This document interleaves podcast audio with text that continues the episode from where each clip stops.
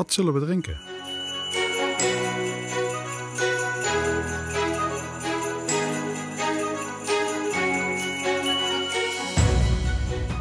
Hey allemaal, welkom bij weer een aflevering van Wat zullen we drinken? De podcast waarin we niet alleen bieren bespreken met een goed verhaal, maar ook het leven vieren in al zijn facetten. Ik ben jouw podcastlijn Bas en vandaag hebben we weer een vers getapte aflevering voor je klaarstaan. Samen tellen we af naar kerst. Dus pak het bier van de aflevering uit het vakje, ga lekker zitten en laten we samen het leven een beetje mooier maken. Proost!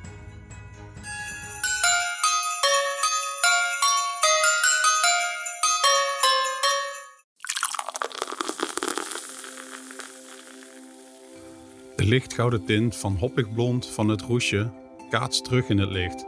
Een visueel voorspel van wat komen gaat. Er is een verhaal dat elk schuimkraagje fluistert. Een belofte van smaak die zo gretig wacht op de eerste slok. Terwijl je je fles opent, ontsnapt er een geur die belooft dat je jezelf voor even in een roes zal bevinden. Dit hoppig blond bier presenteert zich met een heldere goudgele gloed en een stevige witte schuimkraag.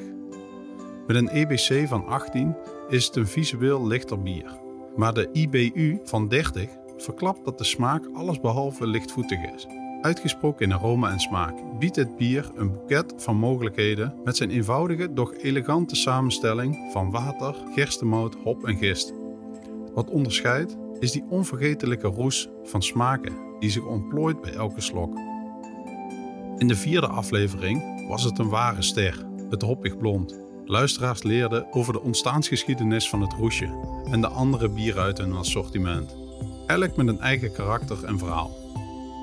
De geschiedenis van bierstijl blond is rijkelijk gevuld met legendes en feiten die zich als hop ranken om de cultuur van het brouwen heen wikkelen. Het blonde bier, ooit misschien ontstaan als een dichter alternatief voor de donkere, zware bieren in kloosters, vond snel zijn weg naar de harten van het volk. Met een geschiedenis die teruggaat naar de middeleeuwen, bieden blonde bieren een canvas waarop brouwers hun artistieke vrijheid tot uiting kunnen brengen.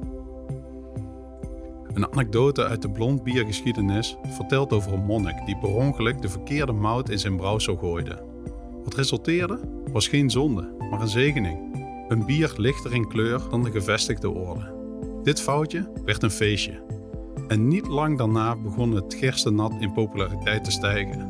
En brouwers experimenteerden met verschillende mouten en hopsoorten om hun eigen draai aan het blondje te geven. Een weetje over blond bier dat vaak vergeten wordt, is dat de kwaliteit enorm kan variëren door de schijnbaar simpele ingrediënten. Elke verandering in het waterprofiel, de moutbehandeling, de gistsoort of de hopgift kan leiden tot een unieke smaakexplosie. Terwijl het hoppig blond van roesje schittert in het glas en de donkere winternacht verlicht met zijn gouden gloed, wordt het verhaal van onze adventkalender voortgezet. In deze dagen van samen zijn en bezinning herinnert het bier ons eraan dat licht altijd de donkerste nachten doorbreekt. Zo zal ook ons kerstverhaal verder gaan.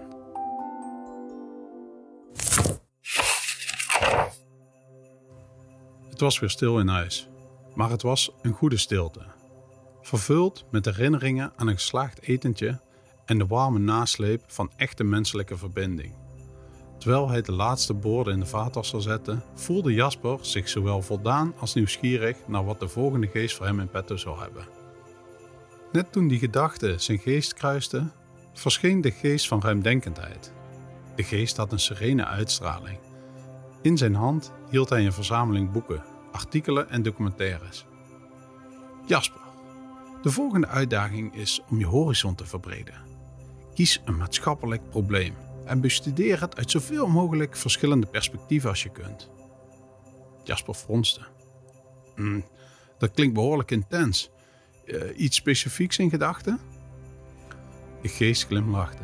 Dat is aan jou. Het kan niet zijn dat je altijd al hebt willen begrijpen. Of iets waarvan je pas recentelijk besefte dat je er weinig van weet. Na enig nadenken koos Jasper voor het thema ongelijkheid.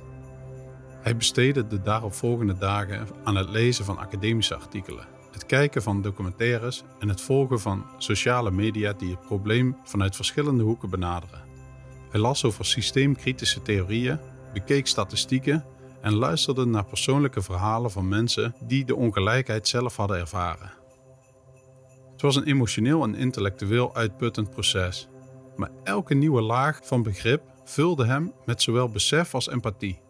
Hij begon te zien hoe complex en verweven het probleem was en hoe elk perspectief een stukje van een veel grotere puzzel bijdroeg. Toen hij uiteindelijk met de geest van ruimdenkendheid samenzat om zijn bevindingen te bespreken, was hij verbaasd over de diepte van zijn eigen inzichten. Je hebt het goed gedaan, zei de geest. Zijn ogen stralend met goedkeuring. Nu begin je de waarde te zien van het bekijken van een kwestie vanuit meerdere invalshoeken.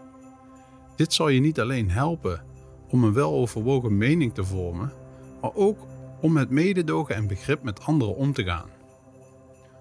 Jasper knikte, zijn ogen een beetje vochtig. Dit was veel moeilijker dan ik had gedacht, maar ook veel lonender. De geest legde zijn hand op Jaspers schouder. Dit is vaak het geval als je bereid bent om je eigen grenzen te verleggen. En vergeet niet, ruimdenkendheid is een continu leerproces. Met een knik en een laatste glimlach verdween de geest van ruimdenkendheid.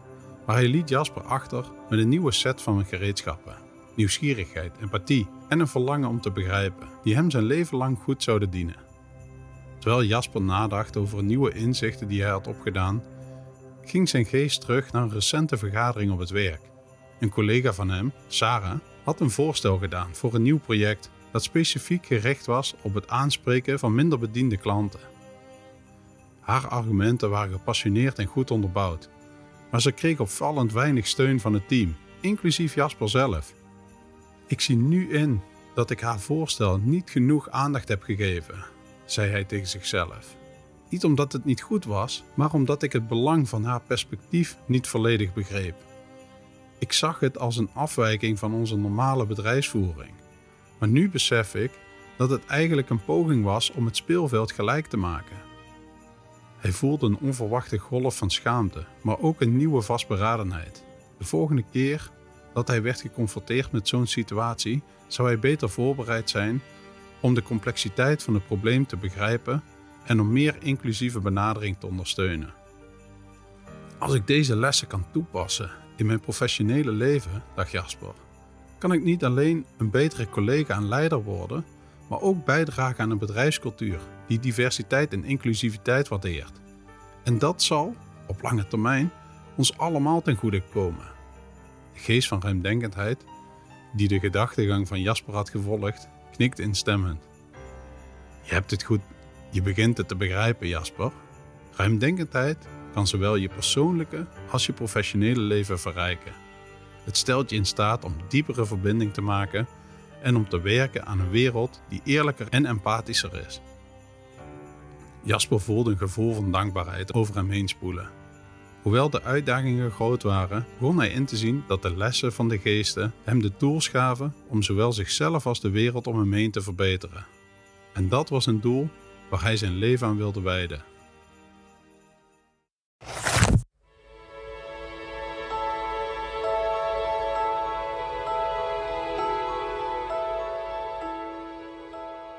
Zo, beste Burgondiërs.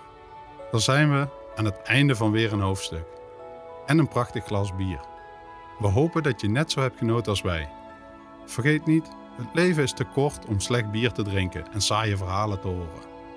Morgen wacht een nieuw hoofdstuk en een nieuwe smaak. Maar voor nu, proost op het goede leven. En tot de volgende Wat zullen we drinken aflevering.